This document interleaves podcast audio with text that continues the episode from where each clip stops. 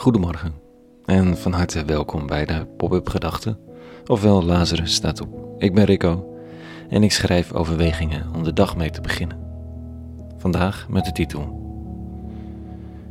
Ik weet het nog zo net niet. Pop-up Gedachten donderdag 28 januari 2021.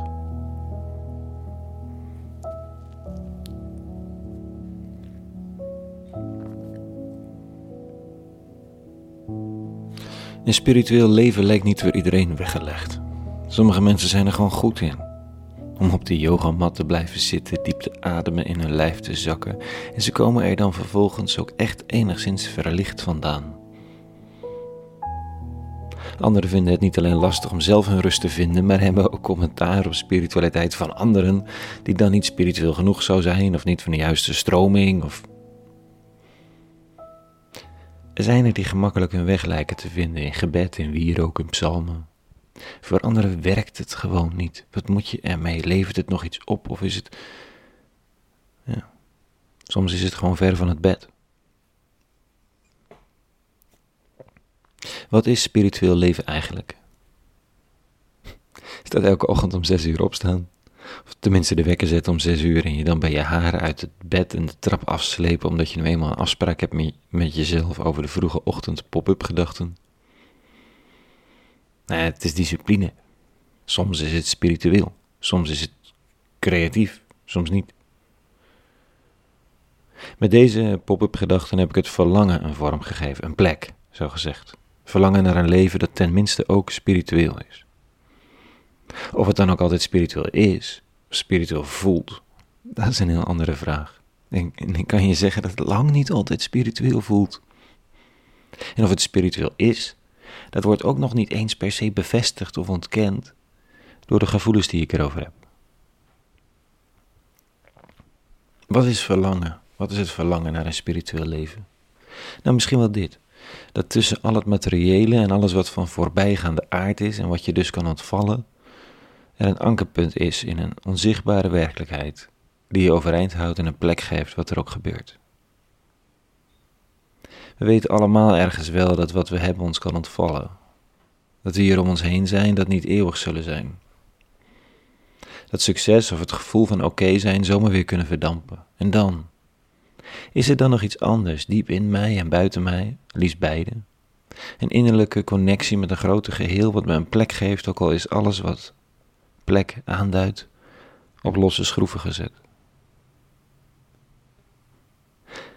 Spiritueel leven is misschien het moment onder de sterren of op de bergtop aan zee, in de armen van een geliefde, gewoon aan tafel in je eentje staren naar de lucht of naar buiten.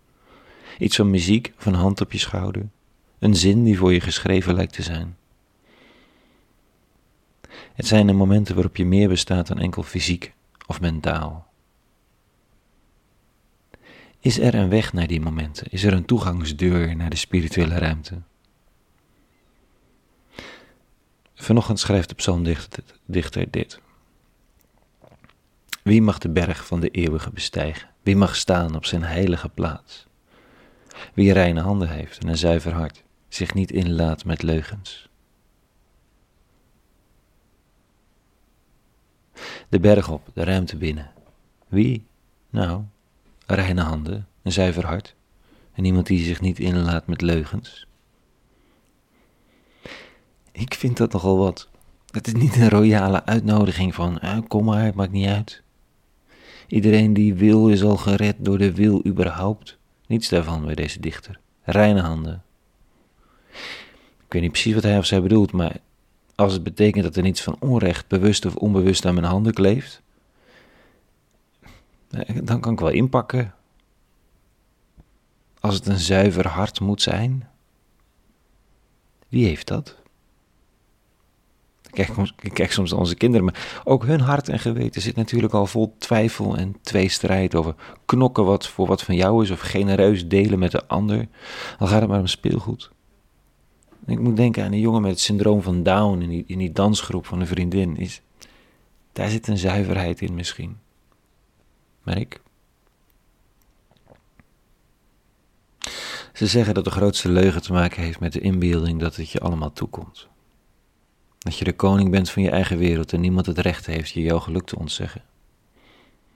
Het is de leugen die de eerste mensen in het eerste grootste verhaal van de Bijbel in strijd bracht met de grote geest van deze wereld, met de eeuwige zelf. Zelf wel weten wat goed en kwaad is, het zelf bepalen.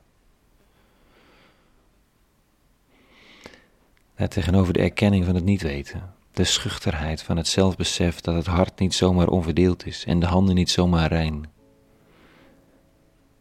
Dat zijn de handen die omvat worden door de eeuwige op weg naar een uitzicht, een bergtop.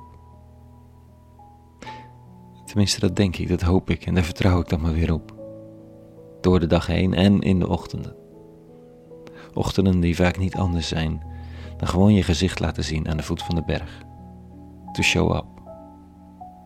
En dan maar zien. Een hele goede donderdag gewenst vandaag. Morgen weer een nieuwe pop-up gedachte. En voor vandaag vrede gewenst. En alle goeds.